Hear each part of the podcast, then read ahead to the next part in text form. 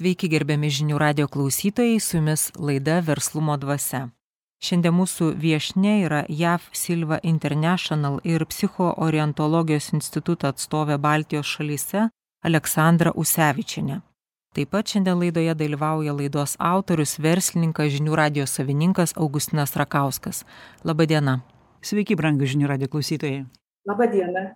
Labadiena štai mes prieš laidą su mūsų pašnekove kalbėjom kad praėję metai buvo jai labai iš vienos pusės ir sudėtingi o iš kitos atnešė daug vertingų patyrimų ir visus juos aleksandra priėmė kaip gaires tolimesniam vystymuisi aleksandra kaip tas priėmimas ypač skaudžiomis akimirkomis vyksta? Aš išmokau jau dabar su visata su dievu kalbėtis ir suprasti. Nes jeigu aš nesuprantu aš sakau ko tu iš manęs šiandien nori ach tavo ėjimas toks? O koks dabar bus mano ėjimas? Reikia pagalvot nežinau pasimetusi bet aš žinau kad tai buvo tavo ėjimas. Ir tu dabar lauki iš manęs. Aš nežinau kaip turiu pasielgt bet aš pasielgsiu tik taip kaip galiu kokia aš dabar esu. Ir man labai buvo įdomiai stebėti save kokia aš dabar esu. Jūs štai sakot, kalbėti su visata ar kalbėti su Dievu. Augustinui mes kartą uždavėm laidoje tokį klausimą, kaip jisai mato, kaip jisai patiria dievo sąvoką ir jis tada atsakė mums sako ši dievo sąvoka yra tokia pilna ir tokia tuščia kad aš galiu apie tai kalbėti vartodamas žodį dvasia. Tai bus ryškiausiai ir tiksliausiai kaip aš galiu tai išreikšti. Kadangi aš visą laiką stengiuosi įtikit ir save ir žmones kad mes negyvenam vien dvasiniam pasauly ir negyvenam vien materialiame pasaulyje o mes esam čia reikalingi ir egzistuojam ir galim kažką tai nuveikti vien tik todėl kad mes vienu metu gyvenam ir toj fiziologinėj realybėj ir toj dvasinėj tikrovėj kuri visą laiką mumis supa ir kuri sklinda iš mūsų vidaus kaip dvasia kurią tu ir paminėjai tai jeigu neturėtume mes čionai tos vidinės būsenos o neturėdami kūno mes sunkiai galėtume kažką tai ištransliuot ir kažką tai pakeist tiek kitų požiūryje tiek savo požiūryje. Tai išgirdau kad mūsų pašnekovė diskutuoja su dievu tai mum čia bus įsivaizduoju kad labai sunku.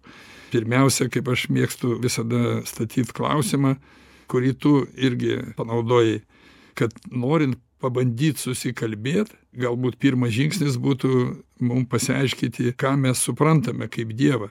Ar mes tik suvokiam kažkokią tai būseną ar mes turim kažkokį tai supratimą nes norint susikalbėt reikia turėti kažkokias panašias gaires kad kažkur tai nors artimas būtų požiūris. Nes jeigu požiūris bus labai tolimas tai mes tada diskutuosim kaip vienas prancūzų kalba kitas vokiečių kalba bet nei vienas kitos kalbos nežino žino tik savo. Žestų pagalba galima susikalbėt bet kada žmonės jau kalba su dievu jiem ta žodinė kalba nereikalinga.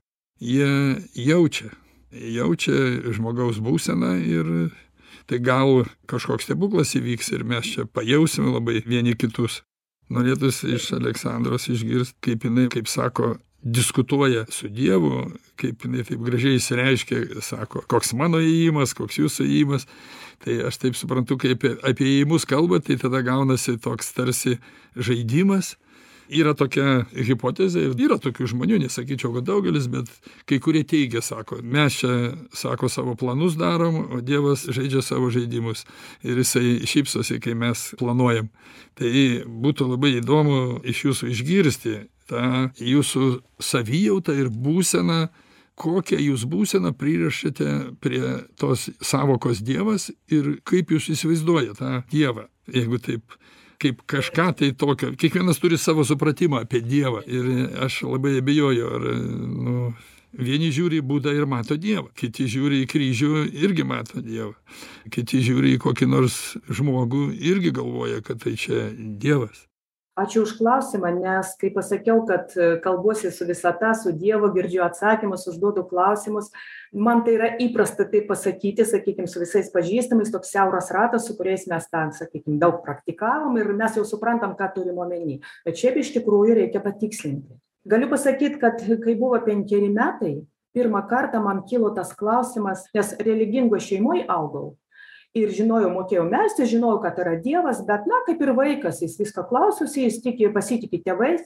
bet vakarais labai mėgdavau išeiti į kiemą nes buvo toks uždaras kiemas nereikėjo toli eiti matydavau žvaigždėtą dangų ir buvo toks žinot nežinau kaip pasakyti toks su ašarom su emocija klausimas kam jūs mane čia atsiuntėt dabar tą puikiai prisimenu aš lyg ir mažas vaikas aš galiu bet kada įeiti į tą būseną ir pajausti ir tą aplinką ir tuos kvapus ir tuos medžius ir tas žvaigždes kurių buvo žymiai daugiau nes vilnius nebuvo toks apšviestas tada kai prieš šešiasdešim metų ir dar žinodama dabar iš silva metodo kad penkerių metų vaikas gyvena taip vadinamam teta lygmeny tai yra tam tikras smegenų dažnis labai lėtas abiejų pusrutulių kada ir loginis racionalus pradmuo ir intuityvusis dirba vienam dažny ir smegenys visos tiesiog suvokia visai kitaip negu suaugusio žmogaus. Ir tas klausimas toks su ašarom kam jūs mane čia atsiuntėt kodėl jis kilo? Nes na girdėdama kaip tėvai samprotauja ką jie mums šnekėdavo aš supratau jau tada kad taip aš eisiu į mokyklą aš labai šito noriu.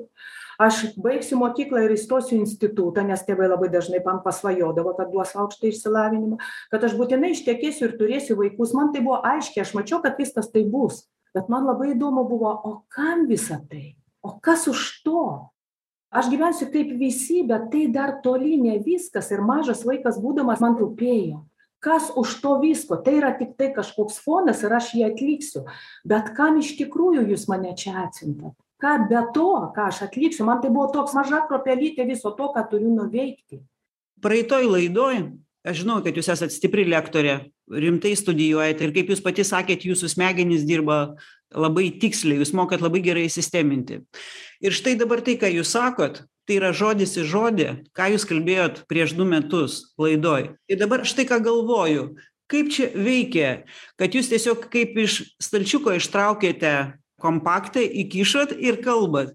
Ir tai yra okei bet augustinas jūsų paprašė kad jūs ne atsuktumėt tą stereotipą o kad jūs išskleistumėt būseną taip aš suprantu. Kodėl aš apie tai vėl pasikartoju nes aš neprisimenu apie ką kalbėjau praeitą kartą tiesą sakant tikrai neprisimenu visiškai. Ir jeigu apie tai kalbėjau tai labai gerai super.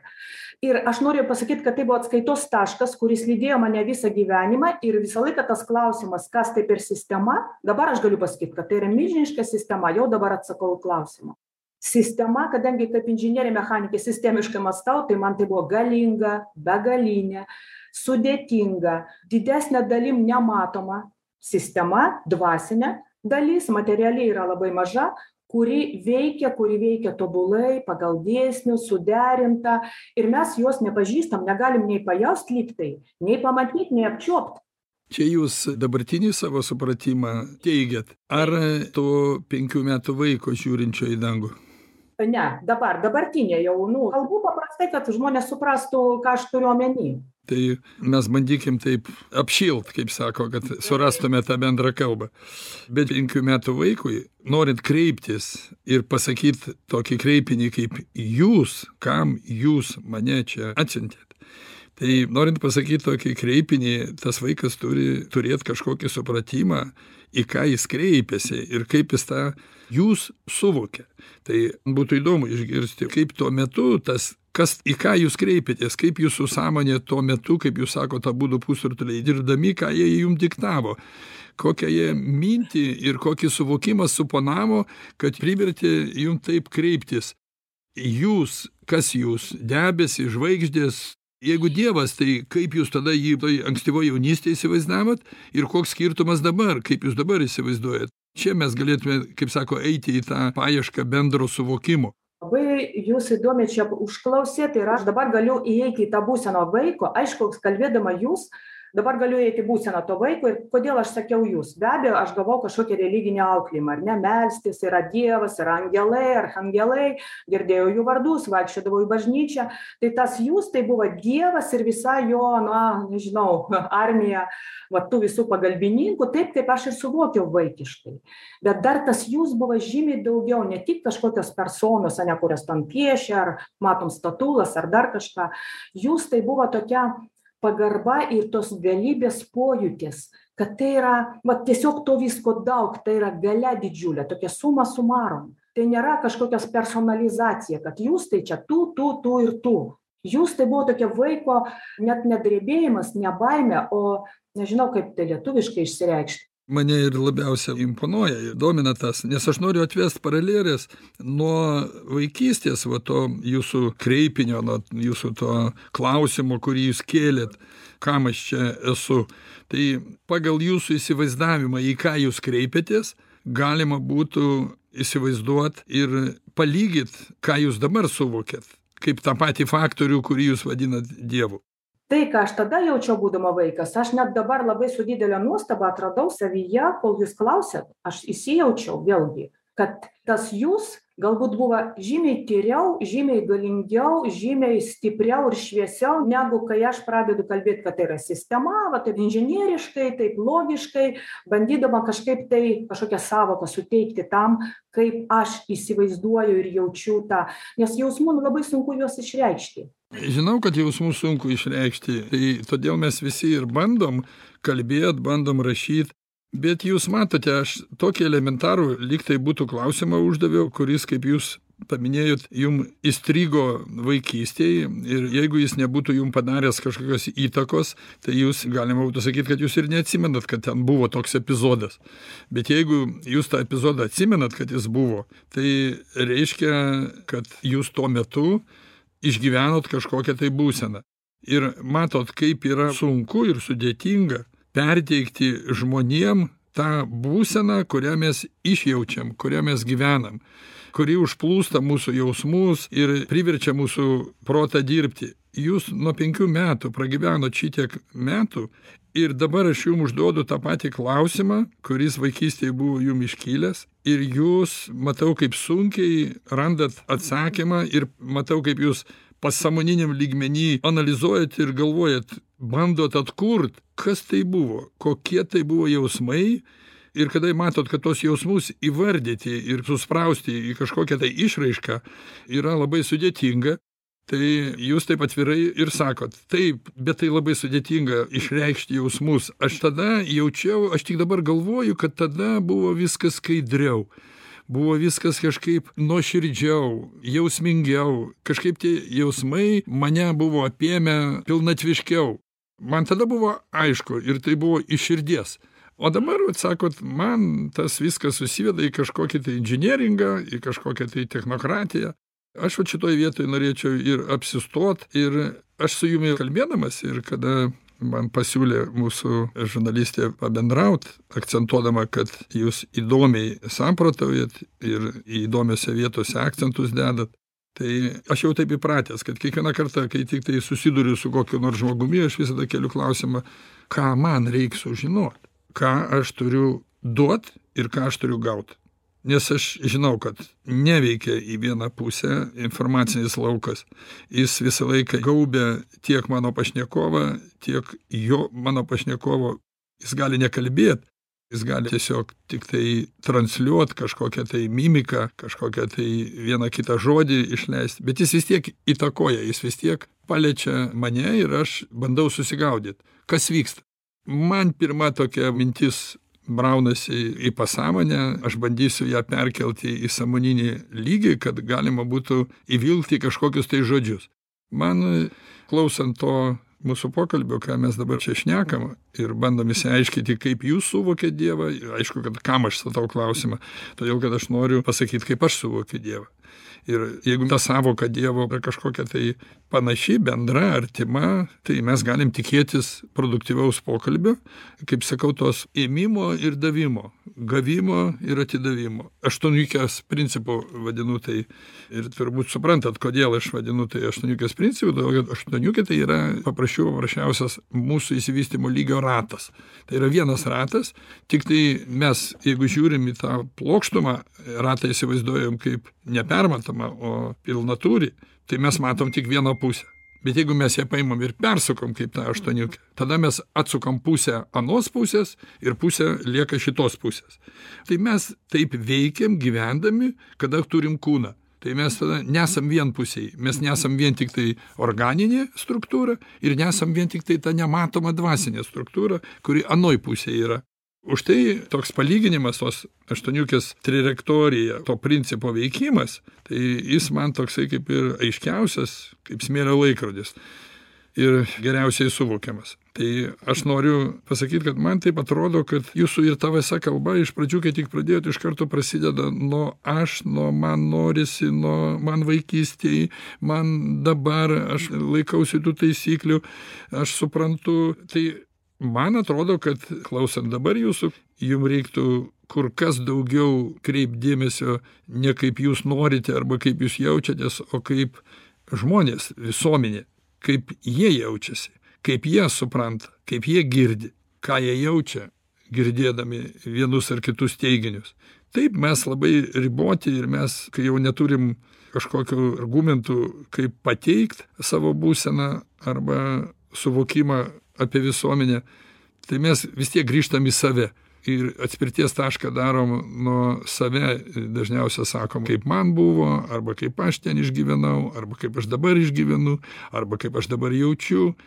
Tai aišku kad mum tas aš yra pats svarbiausias. Ir jis mum didžiausias pagalbininkas.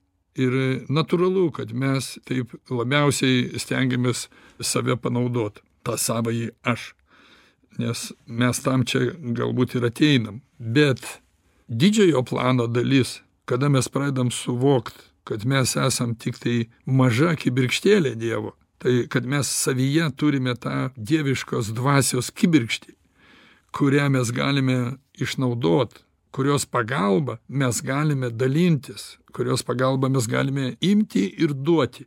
Tai kai mes pradedam suvokt kad mes esam to didžiojo kūno dalis kaip maža molekulė kaip mažas dnr darinys ir turim tą galimybę vienas kitam padėt tai mes tik tada pradedame suvokti kokiam pasauly mes gyvename ir kaip ta dieviška dvasia veikia.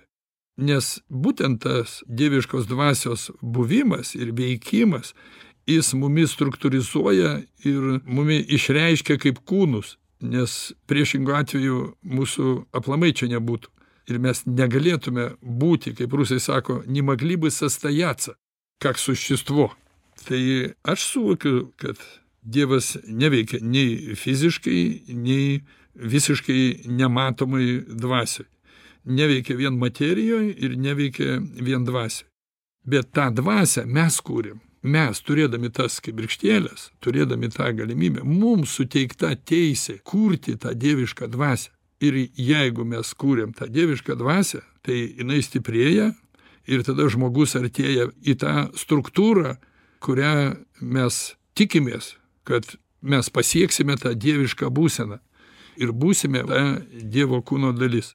Jeigu taip fiziškai išsireiškiant tai galima būtų sakyt kaip kristaus nukryžiavimas labai gerai iliustruoja tos molekulės nukraujavimo pasklidusios po visą pasaulį ir kaip mes jau pagal dabartinius jau čia ne kažkokia alchemija ir ne kažkokie tai burtai ar prielaidos o yra įrodyta kad niekas iš nieko negimsta ir niekas niekur nedingsta. Tai reiškia mes tada kadangi mokslas jau taip įrodęs daugybė bandymų yra padaryta ir parodyta kad niekas niekur neišnyksta ir iš tuštumos niekas negimsta o ta dieviška molekulė dieviška žmogaus dnr jisai kur beatsidurtų jisai kuria ingrida čia gerą pavyzdį mum nesenai papasakojo kaip į vakuumą patalpino tą jeigu gali primink čia papildyt tą mano paaiškinimą kaip žmogaus dnr kur įdėjo ir kas ten įvyko ką jie pamatė mokslininkai. Kaip struktūrizavosi pagal žmogaus dnr visi fotonai kvantai? Ir iš to buvo padaryta išvada ką jūs abudu kalbate kokia yra dieviška galia įkoduota kiekvienoje žmogaus ląstelėje tam mikrone iki kiek jinai yra veikianti ir kūrybinga. Tai čia toks samprotavimas jisai vis tiek atveda į technologinius procesus. Ir mes nori nenori vis tiek turime suvokt kaip veikia dėsniai kaip funkcionuoja žmogus mes turime išmokti mintyse jį restruktūrizuoti ir išmokti jį struktūrizuoti kad mes suvoktume kaip mes atsirandam kaip mes funkcionuojam ir mum tą lastelė ta sperma į kurią mes tą gyvybę įkvepiam per tokį sudėtingą procesą tos fiziologijos. Tai kai mes nežinom šitų dalykų ką dabar čia pakalbėjom apie tą kvantų ir fotonų sistemos susiformavimą tai mum atrodo kad čia labai smulku kalbėti apie spermatozoidus apie gimdoj pradžią kada pas moterį pradeda užsimezginėt gemalas bet kada mes matome ką mokslas mum rodo tai mes tada pradedam suprast kiek mes daug nežinome kiek mes daug nesuvokiam ir koks tas pasaulis kaip to atomo suskaldymas kada žmonės perskelia atomą jie galvoja nu sako viskas dabar suradom dievą. Išsiaiškinsim dabar viskas bus aišku esmių esmę jau perprasim bet atsivėrė visiškai naujas pasaulis. Visiškai nauji dalykai kurių žmogus niekad negalėjo net mintyse daleist. Ir atsidarė tokie moksliniam tyrimam klodai kuriuos po šiai dienai žmonės dar gilina plečia ir negali sustot. Ir tam nėra galo. Aleksandra jūs šitiek turėjusi savo studentų šitiek išskaičiusi paskaitų mes su edita klausėm ne vieną paskaitų ciklą po kelias valandas kur jūs iš principo kalbate ir apie visatą ir tai ką dabar kalba augustinas ir kalbate pagrįsdama mokslu ir patirtim. Ir štai kokia dabar situacija yra. Jūs du tokie vilkai sėdite ir kaip maži vaikai bandote šioje būsenoje kurti tą trečią ir iš degtukų dėlioti. Ir vienam nelengva ir kitam nelengva. O atrodo augustinas galėtų iš savo knygų išimti ir pasakyt jūs galėtumėte iš savo visų šitų irgi talmudų ką jūs esate prirašiusi ką ištransliavusi. O štai vis dėlto ta kūryba ir matosi kad tą akimirką reikia iš savęs ir duoda tiktai tiek kiek pats augustinas sako vaikštau tais koridoriais vaikštau ir bandau įeit belst į tą subtilų pasaulį nežinau kiek įsileis. Aleksandra prašau. Neinga turėsim paprašyt aleksandros atsakyt kitoj laidos dalyje. Dabar turime padaryti pertraukėlę. Mieli klausytojai likite su žinių radijum ir verslumo dvasia.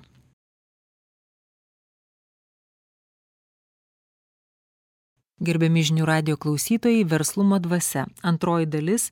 Priminsiu kad mes kalbamės su jav silva international ir psichoorientologijos instituto atstove baltijos šalyse aleksandra usevičiene ir laidos autorium verslininku žinių radijo savininku augustinu rakausku. Pirmąją laidos dalį inga baigė mintimi kad žmonės būdami ir labai labai patyrę parašę jau ne vieną knygą ištransliavę daugybę paskaitų laidų seminarų. Kaskart patiria naujų išbandymų kaip bando šią akimirką išskleisti jų požiūriu naudingiausią visiems vidinę būseną čia labai tinka ištrauka iš antros augustino knygos paklausykit. Turiu įspėti kad įsigilinus į žmogaus gyvenime vykstančios jausmo ir proto sąveikos dėsningumų subtilybes bus sudėtingiau savo suvokimą kam nors greitai trumpai ir paprastai perduoti reikia iš anksto suprasti ir susitaikyti su tuo kad tai ką duoda jausmo proto sąvoka nepajėgi atskleisti vien protu grįsta pasaulietinė logika kuria šiandien dauguma vadovaujasi aiškindami gyvenimo dėsningumus. Štai prašau aleksandra taip aš klausiausi dabar augustino be abejo aš lygiai taip pat va tuos dalykus vat šitaip moksliškai jūs tikrai patvirtinat tai ir seminaruose ir skaidrėse ir visa tai va taip lyg tai išdėstau irgi taip moksliškai kad žmonės atsiremtų į kvarkus kvantus atomus. Ta prasme apie tai kad bent jau žinių gavo iš mokyklos kad tikrai atsiremti į kažką ir pažiūrėkit kokie stebuklai mokslas dabar patvirtina atranda ir taip toliau taip kaip dabar jis papasakojo kaip jis tą įsivaizduoja kaip jis pašnekėjo tai vis tiek buvo lygiai taip pat jo išgyvenimas jo nuomonė jo dabar racionalus labai toks paaiškinimas. Ir antras dalykas kurį norėjau visą laiką kirbėjo tokia mintis kol kalbėjo augustinas mokiausi su dvasiniu mokytoju šešiolika metų dabar jau išplaukiau į savarankiškus vandenis. Ir mum buvo pasakyta kad yra vienas iš dvasinių principų taip jau bent man buvo sakyta ir aš tuo vadovaujuosi kad savo asmeninius pojūčius ne tai kad atradimus pojūčius va tas emocijas ta paslaptis bendravimo su dievu ji turi būti išskirtinai tavo tu jos negali perteikt kitam tu negali jam sutrukdyti jausti savaip nes jeigu tu esi kažkoks arba autoritetas arba žmogus kuriuo jis pasitiki kad tau tikrai pavyko bent vieną kartą bent galbūt man taip atrodo kad tai įvyko jis norės pakartoti jis norės o kodėl man kitaip todėl mes ant tiek tos kibirkštys jos ant tiek nepanašios viena į kitą kitaip dvi vienodos kibirkštys tai būtų viena kibirkštis. Ir mes kiekvienas turim tą dalelytę šviesos nepakartojamoj struktūroj tam užmezgime net irgi tam tikri tėvai tam tikras laikas minutė akimirka kad tu nepanašus daugiau į nieką. Ir be abejo tu ir dievą ir tą viską tu ieškosi. Visų pirma kas ieško vat tą ką aš galvoju kas man yra dievas prieš penkias minutes dabar man yra visai kitoks pojūtis. Aš net nemokėčiau vėl paaiškint nes tai būtų stabilizuota užfiksuota ir tai būtų jau praeitą akimirką. Nes dievas keičiasi mano suvokime kiekvieną kartą vis kitaip. Kaip ir vaikai maži žemėj vis kitaip suvokia tėvus. Kuo daugiau auga tuo labiau pradeda suprast išgirst. O ką gali mažas vaikas? Taip ir mes maži vaikai kurie negalim tos galybės aprėpt bet aš suprantu jaučiu kalbuosi su juo taip kaip galiu taip kaip man atrodo dabar kad aš su juo kalbuosi. Galbūt aš fantazuoju. Man pavyzdžiui vyras visą laiką sako tu fantazuoji tau tik atrodo. Net baisu išreikšti tokią mintį kad tu ten kažką prašai gauni atsakymą. Arba mama sakydavo kaip tu taip gali sakyt? Kas yra dievas ir kas esu aš? Maža pelytė kažkokia kirmėlytė. Jis tiek turi darbų ar jis kreipia į mane iš viso dėmesį kaip galėčiau su juo kalbėtis. Matot kiek žmonių o kita pavyzdžiui mano pažįstama sako jeigu dabar dievas kurtų pasaulį ir paklaustų manęs tai aš jam tiek patarčiau jis labai daug neteisingų dalykų padarė. Bet tai yra jo santykis su dievu toks koks įmanomas dabar jo sakykim vystymosi lygmeny. Girdžiu ką jūs sakote bet noriu įnešt vieną savo pastebėjimą kad jeigu mes kalbam apie savo kaip dvasios dieviškos dvasios sutvėrimų esatį nes mes esam mes esam kaip ta esatis ir jeigu mes kalbam apie tą dievišką dvasią tai kodėl tie išminčiai sako be manęs jūsų aplamai nebūtų jūsų negali net būti tokių kokie jūs esate tokių kaip sutvėrimai kuriuos vadiname žmonėmis. Be manęs jūsų būt negali. Čia reikia atsekt visą grandinę kad dieviška dvasia jinai yra pas visus ir visi mes turim tą dievišką dvasią. Jeigu mes gyvi alsuojam ir jaučiam ir protaujam tai reiškia dievas mumyse dar gyvas. Jis gyvena.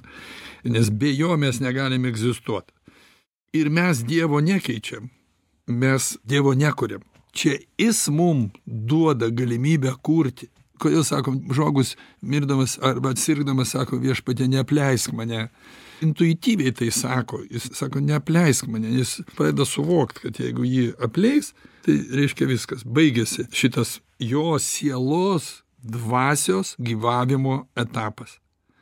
Reikia nemaišyt dieviškos dvasios ir mūsų sielos dvasios nes savo sielą mes tobulinam pastoviai mes su ja dirbam mes kuriam karminius grįžtamus ryšius mes susikuriam įvairias pareigas įvairias gerus dalykus ir blogus bet tai mes ne mūsų siela daro mūsų sielos dvasia. Sielos dvasia jinai gali kažką daryti ir gali egzistuoti kaip kūrėjas tiktai mūsų jausmų ir minčių pagalba.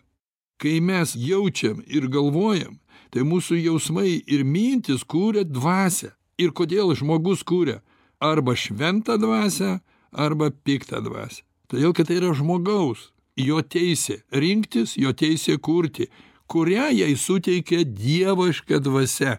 Dieviška. Tai jos maišyti ir sakyti kad kiekviename yra ta dieviška kibirkštėlė kitokia. Ne visi mes kaip sakom turim tą dievišką kibirkštėlę.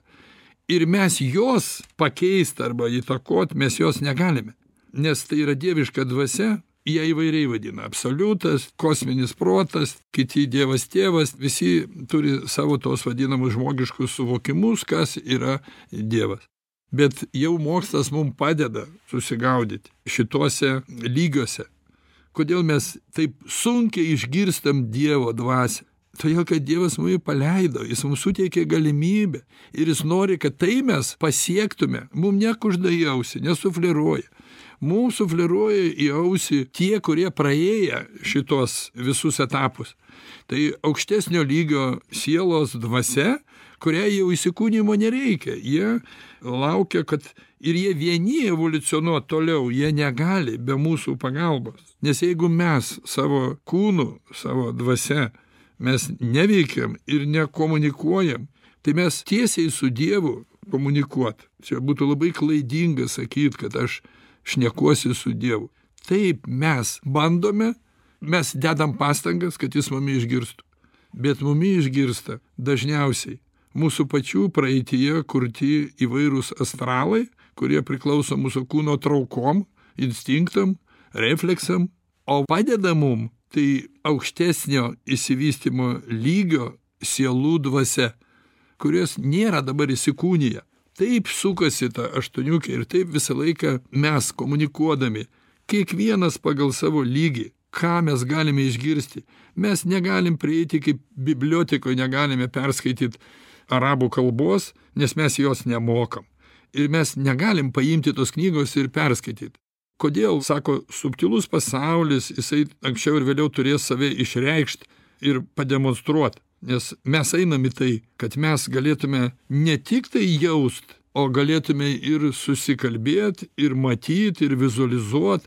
Ir kažkada pasaulis turėjo tą ryšį su tuo subtiliu pasauliu. Bet kadangi labai daug buvo sukoncentruota dėmesio į fiziologijos išlikimą į amžiaus pratęsimą ir reikėjo labai daug įdėt pastangų kad žmonės galėtų gyvent ne dvidešim ne trisdešim metų o aplamai kad jie išgyventų kaip vaikai. Tai buvo labai daug dėmesio sutelkta į kūną. Dabar kūnai jau ir šimtmečiais gyvena ir perlipa ir viskas išauga tikrai iki tokio jau amžiaus kurio užtenka mum praeiti tam tikrus mokslus sužinoti tam tikras tiesas sukontaktuoti su tam tikrom būtybėm tiek piktom tiek šventom su angelais ir su visokiais kipšais kurie čia taip religine kalba kalbant bet iš tikrųjų tai yra tie astralai kurie neperėję dar bet jie negali pereiti jeigu mes jiem nepadedam. Mes juos realizuot materializuot galime žmonėmis būdami ir neutralizuot mes juos galime mes galime juos pagirdyti pasotinti atlikdami realizuodami jų traukas jų norus. Tada mes būnam arba tie geriečiai arba tie blogiečiai. Ir geriečiui ir blogiečiui reikia žmogaus. Ir tas subtilus pasaulis jis labai rūpinasi. Mes esam labai svarbūs šitoj sferoj. Nes be mūsų subtilus pasaulis negali evoliucionuoti ir kilti. Jis kyla iki tam tikro lygio ir viskas lubos. Ir jisai aukštesnių virpesių sferas pakilt negali be žmogaus. Jie už tai mum padeda globoja mokina kad mes galėtume suteikti tą terpę į kurią aukštesnio lygio tos sielos galėtų įsikūnyti ir tęsti savo augimą. Vystyt ir artėt prie dievo.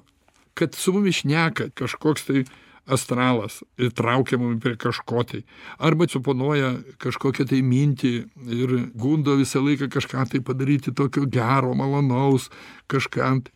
Tai nereiškia kad su mumis šneka dievas. Taip jeigu žiūrint globaliai visi mes esam dievo kūne. Ir todėl kai kurie žmonės taip suprimityvina ir sako aš su dievu šneku. Bet mes iš tikrųjų šnekam su tuom su kuom galime susišnekėti mumi girdi tik tie kurie gali girdėti. O mes girdime tik tuos kurie kalba mum suvokiama kalba. Tai reiškia jausmų kalba kurie mums siunčia tuos jausmus kuriuos mes galime išjausti. Tai minčių formoj kurią mes galime suvokti. Reikia žinot kad čia eina etapai. Ateina pas mumi pirmiausia pajautimas kažkas sukrutėjo kažką pajutom ir net nežinom ką net nesuvokiam. Sakom dažnai keistas jausmas kažkoks apėmė. Koks kažkoks sakau. Sako ne nesupratau kažkas taip šiurpuliukai sako nuėjo. Ir žmogus kada gauna jautimą jis įdarbina iš karto protą. Impulsai eina į galvą nes žmogus daugiau neturi į ką kreiptis. Jis kreipiasi į savo smegenis.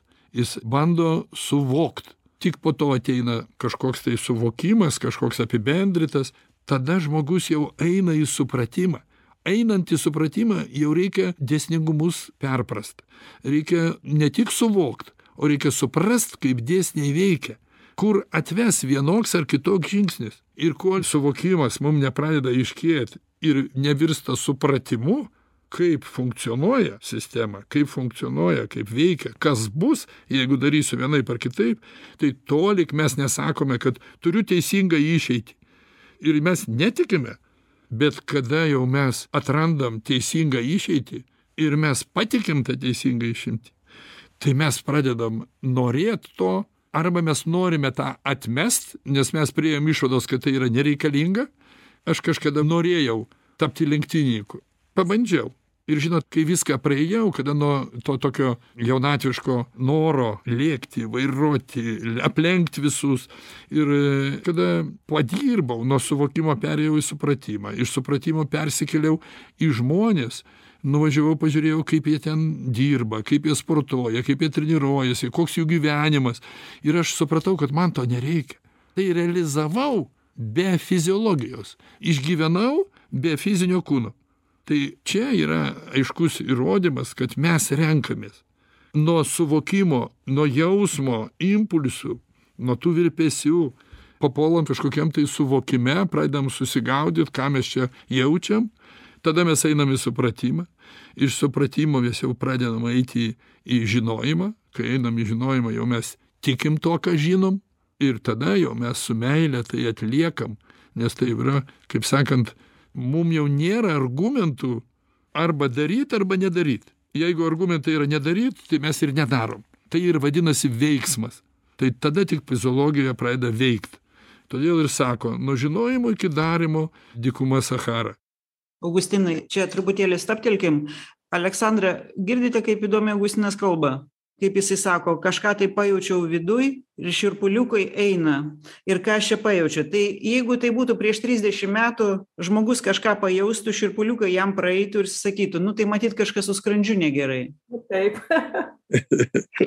Taip. Dabar žmonės kažką pajaučia šiurpuliukai ir štai jie iškelia tokį klausimą.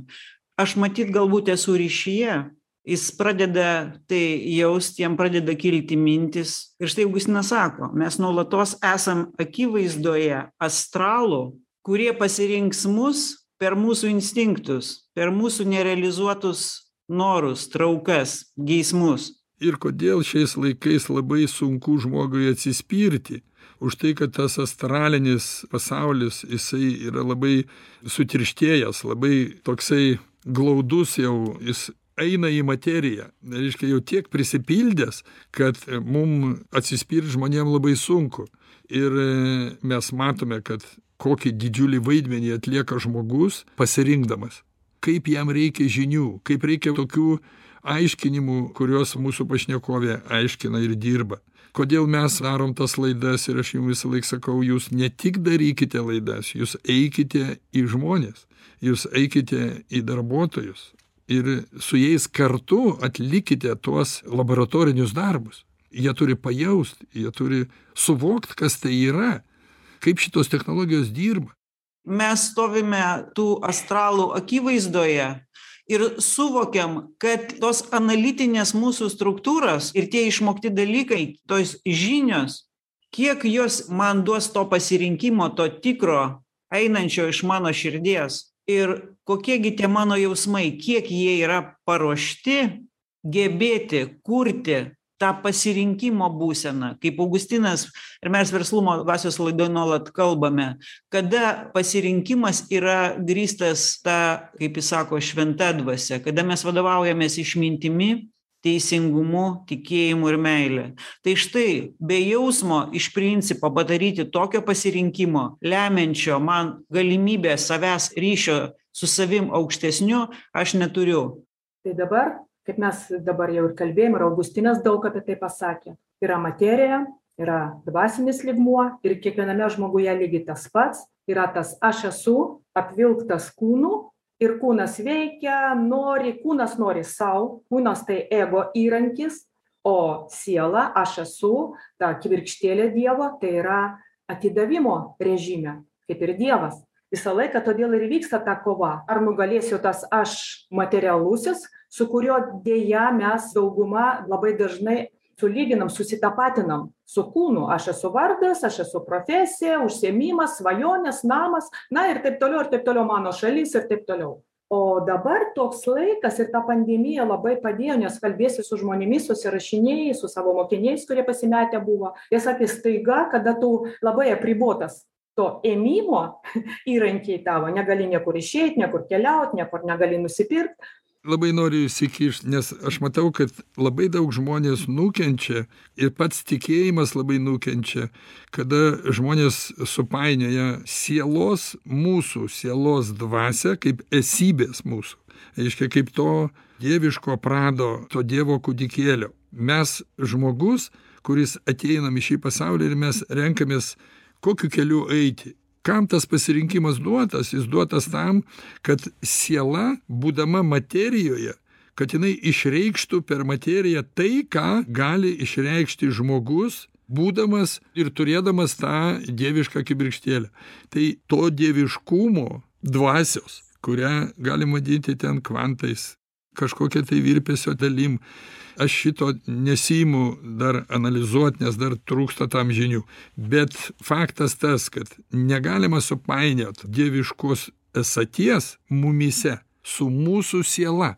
Tai čia mūsų siela tai dar nėra dievybė. Mes einam į tą dievybę ir mes stengiamės nes priešingu atveju tai sielai nebūtų čia ką veikti. Tos sielos kurios jau yra išsišvarinę tam fiziologiniam pasaulyje jos neįsikūnija nes jom nereikia. Jos bando mum padėti kitais būdais.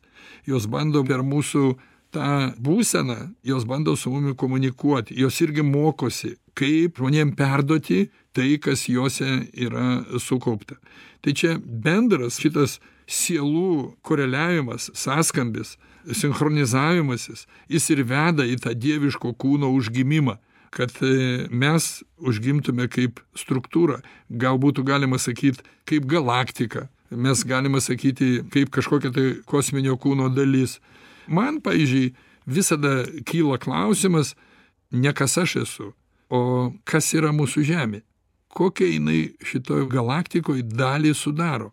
Kas jinai? Jeigu kalbant apie organizmą tai labai gerai tinka žmogaus organizmas. Kodėl sako žmogus sukurtas pagal kosmosą kosminis atspindys. Tai mes suprantam kas pas žmogų yra širdis. Mes suprantam kas yra plaučiai. Bet mes nežinom koks organas yra žemė šitoj galaktikoj ir nežinom kokį vaidmenį jinai atlieka. Ar jinai yra dnr ar jinai yra kažkokia ląstelė kuri gali vėžį sukelt ar tai yra kažkokia tai šventa kibirkštis kuri gali labai pakeisti ir ne tik tai galaktiką o ir visam kosmosui įtaką padaryt? Šitas klausimas man neduoda ramybės ir man labiausiai jeigu mane sakysim taip dievas mane paklaustų aš sakyčiau viešpatie man pirmiausia pasakyk kas mes esam? Kas mes tai reiškia kas ta mūsų planeta kokį jinai vaidmenį ir funkciją atlieka ne tik galaktikoj o ir visam kosminiam plane. Nes žinodamas tai tu gali žinoti kaip reikia elgtis. Sąmoningumo lygis mūsų priklauso jau nuo mūsų fiziologijos nuo mūsų sielos išsivystymo lygio ir mes visą laiką keliam tą sąmoningumo lygį. Bet tikslas vienas suvokt tiek mikro tiek makro tiek tą neįžiūrimą dalelytę kaip jinai funkcionuoja ir tą globalų pasaulį. Mes galime pasaulį pažinti per tą molekulę jeigu jinai veikia ir atvaizduota joje visas tas mus supantis kūnas. Tai mokslas rodo jau kad žmonės klonuoja jau ten ir avis ir visokius kitus aš manau kad ir žmonės klonuoja tiktai kad čia niekas to neskelbia bet yra jau tų technologijų kurie bando išaugint dirbtinį kaip sako tą žmogų ir tą intelektą. Čia pasaulis jau labai toli nuėjęs. Dieviška dvasia jinai yra stebėtojas. Jinai stebi suteikus mum teisę suteikus mum galimybę. Ir mes evoliucionuodami tobulėdami mes tiktai kelias. Dieviška dvasia jinai mum kaip nušviečia kelią jinai mum rodo.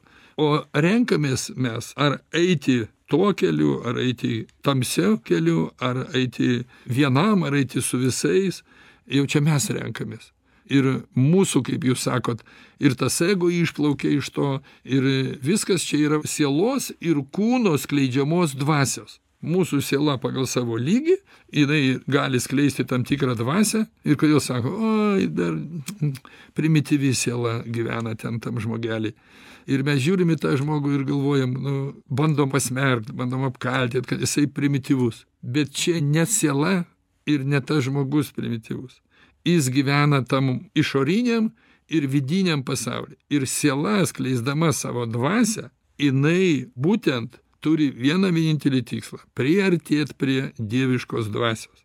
Ačiū augustinai laidos laikas atėjo į pabaigą. Gerbiama aleksandra mes siūlome pratęsti mūsų pokalbį kitoje laidoje. Iki naujų susitikimų dėkoju labai. Ačiū. Mieli žinių radijo klausytojai su jumis atsisveikiname ir iki kitų susitikimų verslumo dvasioje